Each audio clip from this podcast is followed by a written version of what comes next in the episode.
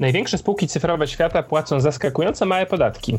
Jak sprawiedliwie opodatkować gospodarkę cyfrową i czy jest to w ogóle możliwe? Zapraszam do kolejnego odcinka cyfrowego pojutrze. W zeszłym tygodniu Ignacy Święcicki rozmawiał z Ignacym Morawskim o tym, jak wyceniać gospodarkę cyfrową na bazie raportu PIE dotyczącego aktywów niematerialnych. Dzisiaj pociągniemy ten temat nieco dalej. Zastanawiamy się nad tym, co zrobić, żeby cyfrowi płacili odpowiednie do skali swojej działalności i miejsca tej działalności podatki. Nazywam się Jacek Grzeszak, jestem analitykiem gospodarki cyfrowej. Do rozmowy zaprosiłem dzisiaj Łukasza Błońskiego z zespołu Strategii PIE. Łukasz dołączył niedawno do naszego instytutu. Wcześniej pracował m.in. jako krajowy ekspert przy OECD, czyli po polsku Organizacji Współpracy Gospodarczej i Rozwoju, gdzie zajmował się m.in. kwestią podatku cyfrowego. Cześć Łukaszu. Cześć Jacku, dzięki za zaproszenie. To na początku takie pytanie y, dla osób, które nie siedzą jakoś głęboko w tym temacie. Mm, po co w ogóle taki podatek cyfrowy? Mamy w krajach OECD, mamy w Europie bardzo dużo już różnych podatków, także podatków dla osób prawnych. E, mamy CIT przede wszystkim. Skąd wzięła się potrzeba oddzielnego opodatkowania cyfrowych firm? Myślę, że jest e, kilka źródeł tej e, potrzeby. Po pierwsze, wynika ona ze zmian w naszych gospodarkach z szybkiego rozrostu cyfrowego sektora i wzrostu udziału aktywów e, niematerialnych e, w bilansie firm. Dzięki rozwojowi technologii firmy w dużej mierze uniezależniły swoje zyski od miejsc, w których prowadzą e, fizyczną działalność. I ta potrzeba bierze się zarazem z faktu, że światowi cyfrowi giganci, firmy typu Google, Amazon, Facebook, Apple Zresztą stąd się wziął e, akronim dla tego podatku GAFA, GAFA Tax. Te firmy odnoszą ogromne korzyści z przetwarzania e, danych milionów użytkowników i wykorzystują je między innymi do reklam. Płacą jednak one podatków e, w krajach, gdzie te reklamy są pokazywane i to ze względu na brak podatkowej rezydencji państwach, e, gdzie są prezentowane te reklamy, ale też ze względu na korzystanie z różnych możliwych e, mechanizmów optymalizacji podatkowej, e, co im pozwala na obniżenie stawki tego podatku. Może podam taki jakiś bardziej konkretny i uproszczony przykład. Niektóre media społecznościowe wykorzystują nasze dane do tworzenia sprofilowanych reklam, ale nie płacą one podatku w Polsce, gdyż nie mają tutaj zarejestrowanej swojej działalności podatkowej. E, są one zarejestrowane w krajach e, z niską stawką e, CIT i pozwalających zarazem na dalszy transfer ich zysków, czyli tutaj na przykład w Irlandii czy Holandii. I w ostatnim etapie, kiedy ten zysk zostanie wytransferowany do finalnego raju podatkowego, podstawa opodatkowania jest dodatkowo obniżona przez wrzucenie w koszt działalności rzekomej wartości aktywów niematerialnych, czyli na przykład znaku handlowego. I w założeniu po wprowadzeniu tego cyfrowego podatku firmy oferujące cyfrowe usługi e, będą się zyskami, które one osiągają ze sprzedaży tych cyfrowych usług z państwem, e, w którym znajdują się e, odbiorcy tych treści. I ta potrzeba, o której wspomniałaś, wynika też chyba z takich dwóch kolejnych, już bardziej przyziemnych powodów po pierwsze rośnie jakaś taka społeczna świadomość, że systemy są nie do końca sprawiedliwe. Szereg możliwości na obchodzenie tych regulacji, a nakłada się na to coraz, nakładają się na to coraz większe potrzeby państw w zakresie wpływów podatkowych, e, szczególnie w dobie pandemii. I dlatego ten cyfrowy podatek wydaje się takim niemalże doskonałym rozwiązaniem. Płacą go ja... Mhm. Może zatrzymam się na tym, bo to jest, to jest ciekawe, co mówisz i to się zgrywa z, z innymi naszymi publikacjami i, i tematami. Tutaj wystarczy przypomnieć e, publikację Tax and Fairness in the European Union, e, mhm. wydaną przez nasz instytut w, w, styczniu tego roku i prezentowaną na Davos, e, gdzie jej autor, czyli, czyli Kuba Sawulski, szef naszego zespołu mak makroekonomii, pokazuje w jaki sposób te zyski w Europie wypływają z 21 krajów członkowskich do 6 państw, które które stosują nieuczciwe praktyki w zakresie opodatkowania CIT i właśnie możliwości wyprowadzania. Tylko właśnie to ja chciałem jeszcze cię, cię, cię dopytać o to, bo, bo, bo wspomniałeś ten problem, w tyle, że ten problem dotyczy też w zasadzie wielu innych e, rodzajów działalności, wielu innych spółek e, i problem tego wyprowadzania opodatkowania z miejsca, gdzie ono jest, gdzie są realnie osiągane przychody przez firmę, gdzie jest realnie prowadzona działalność, on dotyczy nie tylko spółek cyfrowych. Ale dlaczego w takim razie te, te, ta GAFA, e, te spółki cyfrowe wymagają w takim razie od, od, oddzielnej regulacji, a nie tylko mm, ścigania tych praktyk na drodze aktualnych przepisów? To pytanie, które zadałeś dokładnie, tyczy się tego, co zostało e, rozwinięte w ramach OECD. Gdyż na początku e, mieliśmy mieć wyłącznie cyfrowy e, podatek, Tyle tylko, i on miał dotyczyć tylko tych głównie internetowych przedsiębiorstw, ale wraz z poruszaniem kolejnych zagadnień związanych z gospodarką cyfrową oraz działalnością międzynarodowych korporacji okazywało się, że mamy do czynienia z bardzo złożonym zjawiskiem, które ciężko precyzyjnie określić, czym jest właściwie ta firma cyfrowa i ten transfer zysków miał dużo, dużo, dużo szerszą skalę.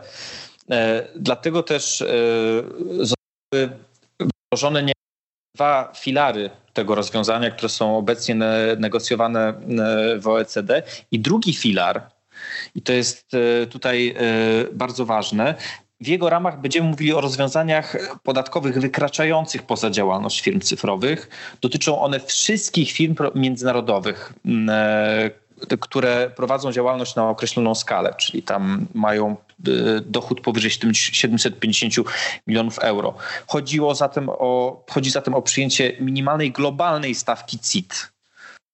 Czyli rozumiem, to jest, to, jest, to jest ciekawe. Teraz jeszcze będziemy rozmawiać o o, o tych dokładnych o pracach w, w OECD, ale rozumiem, że, y, że prace nad tym podatkiem już jakby wykraczają poza kwestie stricte cyfrowe w tym momencie. Dokładnie. To już nie jest podatek, który dotyczy tylko firm cyfrowych, tylko tutaj e, mówimy o globalnym CIT dla wszystkich międzynarodowych firm. No dobra, to powiedz w takim razie, czemu w ogóle OECD nad tym pracuje? Czemu to ta organizacja? Czemu tego się nie udaje rozwiązać na poziomie unijnym i czemu tego się nie udaje rozwiązać na poziomie krajowym, bo już różne kraje rozważają takie regulacje już od ładnych, ładnych kilku lat. Chyba najbardziej, najgłośniej o tym mówi Francja i najbardziej pracuje. E, czemu w takim razie właśnie OECD? Zaczęło się to od e, Unii Europejskiej e, i około 2017-2018 roku na unijnym szczeblu rozpoczęto pierwsze prace nad podatkiem cyfrowym. Ale kraje wspólnoty nie, do, nie, nie doszły do porozumienia i tam były takie cztery główne y, osie podziałów. Po pierwsze, Niemcy bały się działań odwetowych ze strony Stanów, które uderzyłyby w niemiecki eksport. Irlandia, która jak już zresztą wspominałeś jest właściwie rajem podatkowym, e, ona się bała, że cyfrowi potentanci często zarejestrowani e, w Dublinie po prostu zmienią swoje miejsce pobytu, co wiązałoby się z utratą miejsc zatrudnienia. I dlaczego właśnie do, e, do tego ECD? Gdyż w ostatnich latach w, w ramach OECD zostały wykształcone odpowiednie narzędzia do prowadzenia negocjacji podatkowych i wdrażania zmian e, w zakresie międzynarodowego prawa podatkowego. Zaczęły one być rozwijane od około 2016 roku, kiedy został powołany projekt BEPS, e, to jest skrót e, do Base Erosion and Profit Shifting. I ten projekt był o tyle przełomowy, że ta przełomowość tego projektu wynikała z dwóch cen, z dwóch cech. Po pierwsze, Odnosi się on w bardzo kompleksowy sposób do międzynarodowego prawa podatkowego. Tam zostało powołane specjalnych 15 grup tematycznych, które odpowiadają konkretnym kwestiom podatkowym i adresowana właściwie jest każda działka. Czyli te prawo, międzynarodowe prawo podatkowe jest traktowane niejako holistycznie. A po drugie, inicjatywa ta znacznie wykracza poza tylko kraje OECD, jest skoordynowana przez G20 i OECD, a uczestniczy w niej około 130 jurysdykcji. I to oznacza, że wypracowanie wspólnie zaakceptowanych rozwiązań zajmuje dużo czasu, ale z drugiej strony te rozwiązania mają wtedy charakter uniwersalny i kraje się do nich stosują. I negocjacje nad podatkiem cyfrowym właśnie dlatego zostały prze, przeniesione do OECD, że istnieje funkcjonalny system, który pozwala na uwzględnienie tych wszystkich interesów i w ramach tego e, rozwiązania jest aż 130 jurysdykcji, czyli wszystkie najważniejsze państwa dostosują się do wypracowanego e, rozwiązania. Y, to jest, to jest ciekawe, tylko bo powiedziałeś o tym, że przenieść na wyższy poziom. No, OECD obejmuje więcej państw, jest rzeczywiście ogólnoświatową organizacją, a nie lokalną europejską. Natomiast y, Unia Europejska ma znacznie większe kompetencje w, w, i, i, możliwości wpływania na swoje państwa członkowskie e, poprzez prawodawstwo unijne. E, do którego się muszą dopasować prawodawstwa poszczególnych krajów. Jakie narzędzia możliwości wdrożenia rzeczywiście i, i, wymuszenia pewnych rozwiązań ma, ma OECD, bo możemy sobie wyobrazić taką sytuację, że nawet 95% tak, z tych państw, jak mówi, że 135 państw uczestniczy w, w, w ramach tego procesu BEPS, w, w, w tym, czy BEPS w zasadzie, e, w tym uzgadnianiu przepisów podatkowych, no to możemy sobie wyobrazić, że się zgodzi się na te przepisy, nie wiem, 120, 120 kilka, ale będzie kilka państw, które Wszystkie będą... państwa się muszą zgodzić. No właśnie, no i też pytanie takie, I na ile na, na nie ma możliwość ta, na tym polega ta trudność, no? ale y, te, te to ciało, które negocjuje te, to, to, rozwiązanie, czyli tak zwany Inclusive Framework, e, zakłada, że wszystkie państwa muszą wyrazić zgodę i porozumienie jest tylko wtedy wdrażane w życie, wtedy Ale porozumienie myślisz, z prawem podatkowym. Wypracowanie takiego rozwiązania, które zaakceptuje jednocześnie i Stany Zjednoczone, gdzie operuje zdecydowanie największa liczba tych gigantów cyfrowych, przynajmniej obecnych w Europie, tak, bo też jeszcze są innym tematem są chińscy giganci, e, które przyjmie także Irlandia, a także państwa takie jak, jak Polska, które tracą właśnie w, w, w wyniku działania tych firm? Eee, to jest, to jest, to jest, to jest, bardzo, to jest bardzo dobre pytanie. Eee, kraje sobie założyły mm, że do końca 2020 roku osiągną porozumienie. A chcą one osiągnąć to porozumienie, gdyż e, obecna sytuacja jest e, właściwie niekorzystna dla wszystkich. Gdyż e, z jednej strony kraje straszą Y, że będą wprowadzały unilateralne rozwiązania. Zresztą do tego już teraz dochodzi. Na, na, na, na takie wdrażanie podatku cyfrowego się już e, Włochy, Austria, e, Francja, Wielka Brytania, Turcja czy Hiszpania. E, I ich wdrażanie ma stanowić takie narzędzie wywierania wpływu na przede wszystkim Stany Zjednoczone, że jeżeli nie uzyskamy porozumienia wspólnego, to będziemy indywidualnie wdrażali te mm, e, cyfrowe podatki, e, co może obrócić się na niekorzyść e, Stanów, amerykańskich firm, gdyż jeżeli Stany by uczestniczyły w negocjowaniu tego rozwiązania, to mogłyby osiągnąć dużo więcej, aniżeli będzie to wdrażane jako unilateralne rozwiązanie, na czym mogą tracić amerykańskie firmy. No tak, ale pytanie jest takie w takim razie, na ile Stany Zjednoczone, znaczy tak się zastanawiam, w, w, praktyce działania takich rozwiązań unilateralnych i po prostu wprowadzania regulacji w poszczególnych państwach, na ile jest, e, na ile one są skuteczne, no po prostu, na ile udaje się te pieniądze ściągnąć z tych amerykańskich firm. To, te, te rozwiązania, które wdrażają e, pojedyncze państwa, to jest w sumie cały czas świeża rzecz, no bo to są rozwiązania wdrażane w 2019, w 2020 roku, dlatego ciężko taką pełną ewaluację e, ich, ich efektów, ale to są dosyć proste rozwiązania, no bo one przeważnie przyjmują formę e, podatku e, obrotowego, gdzie opodatkowane są jedynie na przykład przychody z reklam internetowych. Francja ma trochę szersze rozwiązanie, gdyż tam obejmuje przychody z udostępniania interfejsu cyfrowego, tych reklam i transmisji danych zebranych od użytkowników celów reklamowych. Ale te instrumenty są dosyć proste i dosyć łatwo wyegzekwować te podatki. E, tyle tylko, że Stany Zjednoczone są im bardzo przeciwne, gdyż e, grożą stale działaniami odwetowymi e, i cały czas proponują, żeby przenieść to na te, na te forum OECD, żeby tam osiągnąć porozumienie. A powiedz, jak wygląda sytuacja polskiego podatku cyfrowego? Czy ty, ty, ten temat też śledziłeś? Bo, bo to jest jakiś tam taki ping-pong, bo wraca ten temat cały czas, znika, wraca. E, myślisz, tu jest w ogóle szansa na, na działania w tym obszarze? E, Polska oficjalnie zadeklarowała, że chce przyjąć podatek, który zostanie wypracowany w ramach OECD. Pomimo tego, że na przykład w wieloletnim planie finansowym bodajże w 2019 roku ten podatek został tam wpisany i szacowaliśmy, że to będzie funkcjonowało jako bodajże zwykły podatek obrotowy od reklam, gdzie stawka będzie ustawiona na poziomie 3% i te zyski miały wynosić około, te wpływy podatkowe miały wynosić około 400 milionów złotych.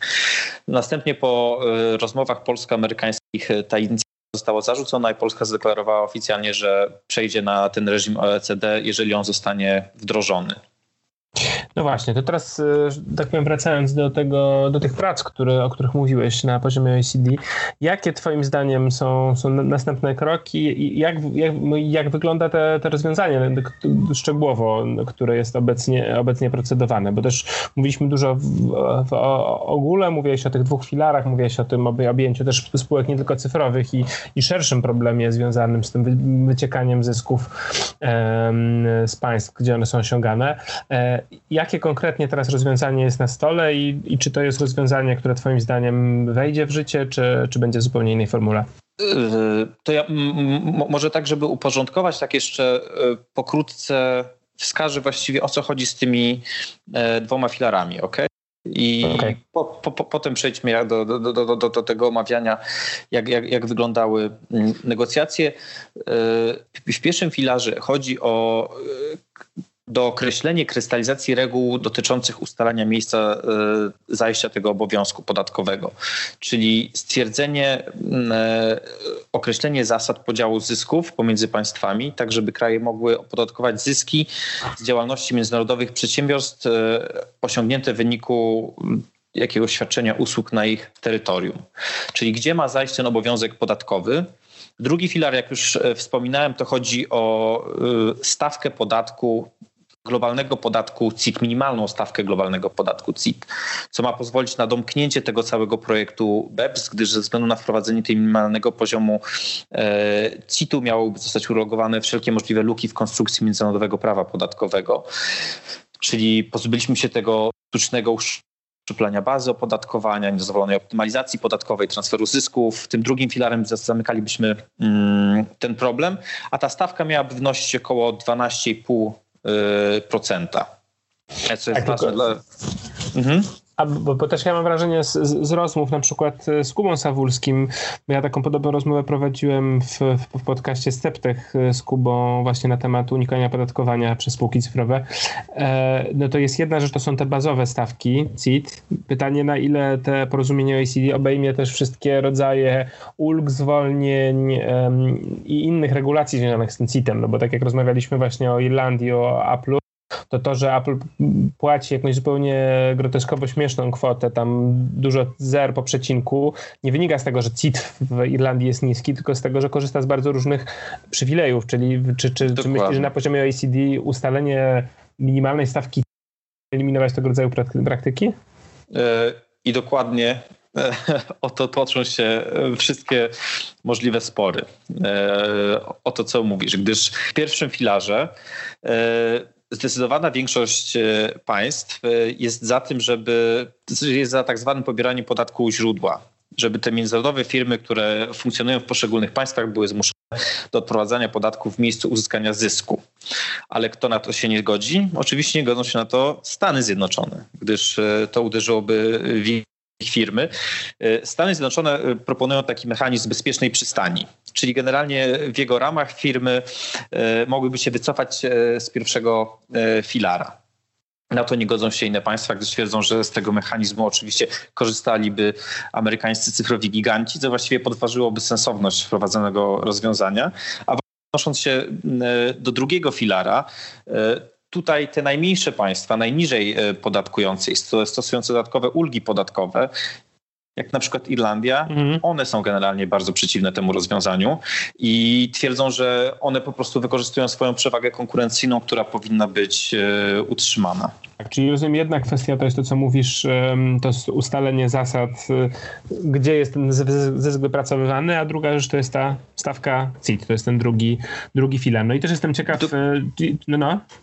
A z, z, z, zarazem państwa twierdzą, że obydwa filary muszą być wdrożone dokładnie w tym samym czasie, gdyż w przeciwnym razie e, mechanizm ściągania tego podatku będzie po prostu nieskuteczny. A jesteś w stanie wytłumaczyć naszym słuchaczom, e, na jakich zasadach miało być określane właśnie miejsce wypracowywania zysku, bo zakładam, że to też nie jest, nie jest prosta. Znaczy to się może wydawać bardzo logiczne z zewnątrz yy, zagadnienie, ale myślę, że w, w, w, ustaleniach takich szczegółowych jest bardzo, podejrzewam, skomplikowane. Czy jest jakiś, jakiś konkretny proponowany zapis tego, tego, tego przepisu? To są bardzo szczegółowe e, zapisy, które wskazują na to, gdzie do kogo określony algorytm przetwarzający treści internetowe jest adresowany.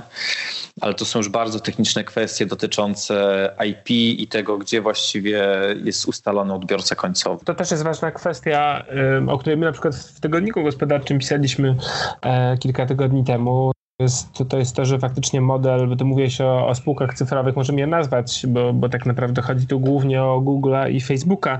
To są spółki, których model biznesowy praktycznie w całości opiera się na przychodach z reklam.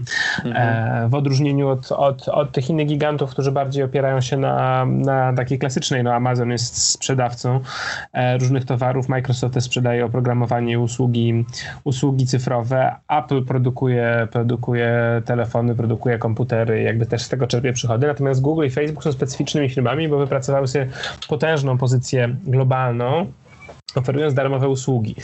Przy czym to, na co też zwracaliśmy uwagę i w tygodnikach, i w podcastach, no to darmowość oznacza to, że to jest, um, że my nie jesteśmy de facto klientem, my jako ci odbiorcy końcowi, użytkownicy usług Google czy Facebooka, bo klientem, który coś kupuje od, od, od Google'a, który płaci Google'owi czy Facebookowi, jest reklamodawca.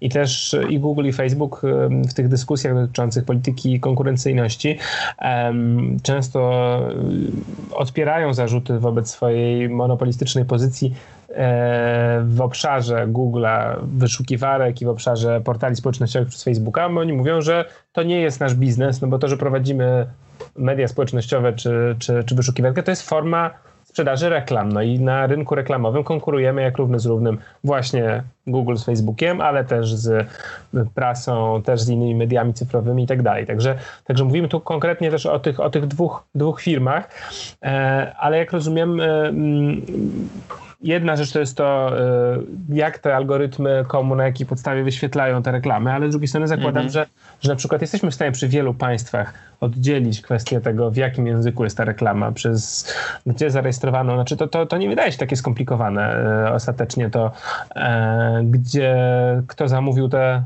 te reklamy, ale rozumiem, że o to się toczy mocny, mocny bój właśnie na poziomie ACB. To znaczy, o to chyba nie toczy się bój, no bo samo rozwiązanie jest wypracowane, to raczej się toczy bój pomiędzy państwami, czy faktycznie e, ma dojść do, e, do, do ma to rozwiązanie być wprowadzone w życie, gdyż e, przeciwne jest temu właściwie jedno państwo, Stany Zjednoczone, które mają tutaj swoje po prostu interesy ekonomiczne. Które jednocześnie, jak mówisz, odpierają propozycje podatków cyfrowych w różnych krajach zachętą do tego, żeby pracować wspólne rozwiązanie w OECD. Dokładnie. Które torpedują potem. Jasne. Czyli serdecznie wszystko się kręci dookoła Stanów. Dobrze, a powiedz mi w takim razie, czy mm, jak sądzisz, y, takie rozwiązanie, no bo rozumiem, że rozwiązanie podatkowe, do którego dąży ACD, to jest po prostu uszczelnienie podatku CIT poprzez ustalenie, ustalenie tych, tych zasad. Więc tu, tu ciężko mówić nawet o podatku cyfrowym, tak? Bo chciałem zadać Ci pytanie o to, ile nam może przynieść ten podatek cyfrowy i kto za niego zapłaci, ale z, z naszej rozmowy wnioskuję, że w zasadzie tutaj nie ma mowy o w takim razie o oddzielnym podatku na poziomie ACD, tylko jest mowa o, o uszczelnieniu CIT-u. Się zamyka, zamyka kółko, Czyli raczej nas podatek cyfrowy w Polsce nie spotka. E, to zależy od tego, jakie rozwiązanie zostanie wypracowane. Jakby myślę, że nie możemy tego uprościć w ten sposób, że będziemy mówili tylko o uszczelnieniu lokalnego CIT-u, bo to będzie jednak międzynarodowy, globalny podatek CIT, e, który będzie odpowiednio następnie dystrybuowany e, pomiędzy państwami. Ten mechanizm dystrybucji też jest teraz omawiany w ramach OECD czekamy na to, co zostanie wypracowane dalej. Ten podatek miał być zamknięty do końca 2020 roku. Teraz już oficjalnie ten termin został przesunięty do połowy 2000, 2021 e, roku. I tak naprawdę wszyscy czekają na amerykańskie wybory, gdyż e, Wydaje się, że jeżeli wybory wygra demokrata Joe Biden, to on wprost zapowiada podnoszenie podatków dla najbogatszych i w organizacji planuje takie przekonanie, że te prace mogą się posunąć. Natomiast jeżeli e, wygra ponownie Donald Trump, to te przyciąga międzynarodowe przyciąganie liny może trwać dalej, co będzie skutkowało prawdopodobnie tym, że kraje będą we własnym zakresie wdrażały już podatek cyfrowy i czy, czy wręcz nawet kolejnych wojen handlowych wynikających ze sporów podatkowych. No dobrze, a powiedz mi właśnie, jakie są te możliwe działania odwetowe Stanów Zjednoczonych? Zakładamy, że Stany Zjednoczone torpedują pracę w OECD, kolejne państwa przyjmują te rozwiązania. Co, co, co mogą zrobić Stany Zjednoczone, żeby utrudnić życie innym, innym państwom? Teraz taki najbardziej intensywny spór w tym zakresie toczy się między Francją a Stanami Zjednoczonymi, gdyż to są dwa duże państwa i generalnie e, wyznaczają taką ścieżkę postępowania też e, dla innych. I Stany Zjednoczone po tym, jak po, po tych e, pierwotnych pomysłach Francja powiedział, że po prostu będą narzucały cła na francuskie produkty. No mówię, ale nie jestem tutaj specjalistą handlu zagranicznego. Jak, jak widzę informacje o tym, że że Stany Zjednoczone planują wprowadzenie ceł na francuskie wina e, czy inne towary luksusowe, no to to nie, nie wygląda jak po, w sensie jak po, poważna sankcja, w tym sensie nie wiem jak, jaki to jest procent e, handlu pomiędzy Stanami a, a Francją tych, dotyczący tych towarów. Zakładam, że to to nie jest duży procent i że są to bardziej takie symboliczne formy um, ukarania w taki sposób, który oddziałuje jakoś na wyobraźnię wyborców, ale nie uderza realnie w stosunki gospodarcze między państwami. Myślę, że cła będą dokładnie w takiej wysokości, w jakiej będzie ściągany ten podatek we Francji. Gdyż Francja sugerowała, że ten podatek może wynieść bodajże około 800 milionów e, euro w 2020 roku i myślę, że cła o takiej wielkości też by zostały wprowadzone na francuskie produkty. Rozumiem. No nic, to w takim razie czy czekamy, czekamy na efekty tych prac yy, i, i, zobaczymy, jak to, jak to zmieni te relacje międzynarodowe.